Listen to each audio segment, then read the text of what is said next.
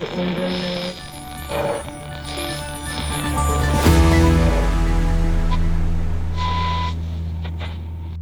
och välkomna till 6 minuter, en nyhetspodd i kortformat från tidningen Arbetaren där vi kort sammanfattar den gångna veckan. Ni kan läsa oss på arbetaren.se och följ oss också gärna på Facebook.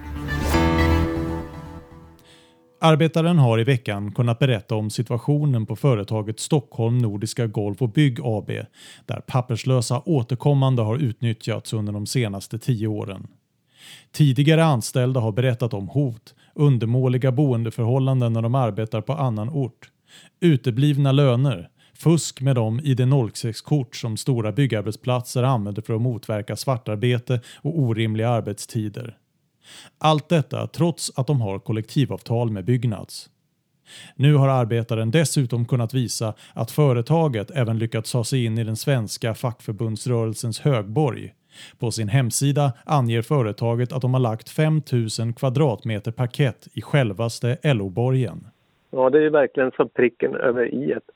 De har helt säkert kunnat exploatera människor inne på själva LO-borgen. Man har kollektivavtal med Byggnads som man inte följer överhuvudtaget. Och ändå så händer ingenting och åren bara går.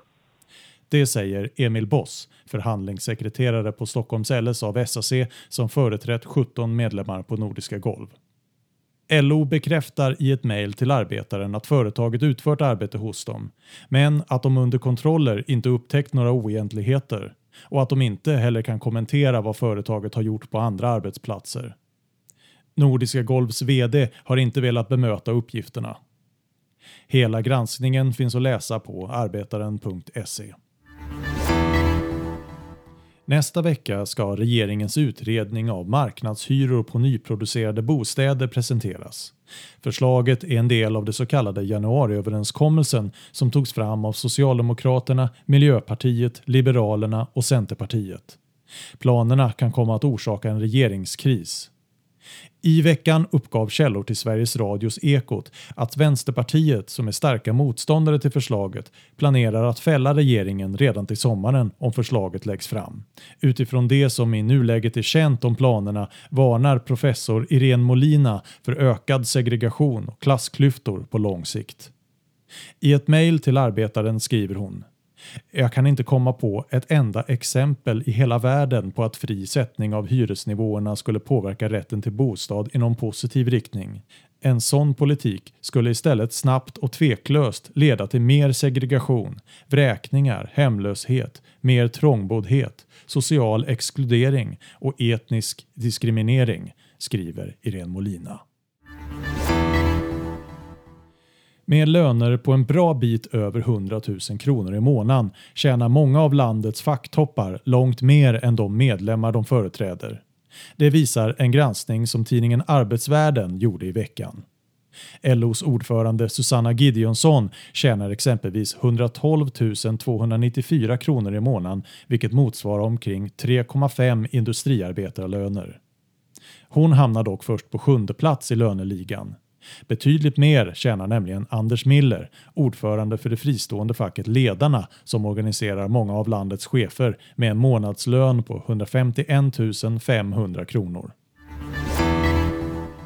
Tre chefer riskerar långa fängelsestraff efter den linebanaolycka i norra Italien som kostade 14 människors liv, däribland två barn.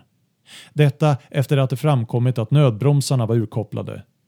Nödbromsarna ska ha orsakat problem under en tid, men istället för att stänga linbanan och förlora intäkter valde ledningen att helt enkelt koppla ur dem. Något som gjorde att när en vajer av okänd anledning brast rusade kabinen bakåt längs linbanan i 100 km i timmen för att sen krascha in i en stolpe och falla till marken. Den enda överlevande, ett femårigt barn, vårdas just nu på sjukhus med allvarliga skador. Och så till Belgien där jakten på den misstänkt högerradikale militären Jürgen Konings fortfarande pågår. Konings är efterlyst av Interpol sedan han stulit vapen från sin militärförläggning, lämnat efter sig brev där han riktat hot mot politiker och virologer och försvunnit under förra veckan. Flera moskéer i Limburgområdet har stängt och många fruktar en eventuell attack. Flera högerradikala demonstrationer har också anordnats till stöd för Konings i Belgien. Och med det avslutar vi Arbetarens radiopodd den här veckan. Glöm inte bort att du kan läsa mer nyheter på arbetaren.se.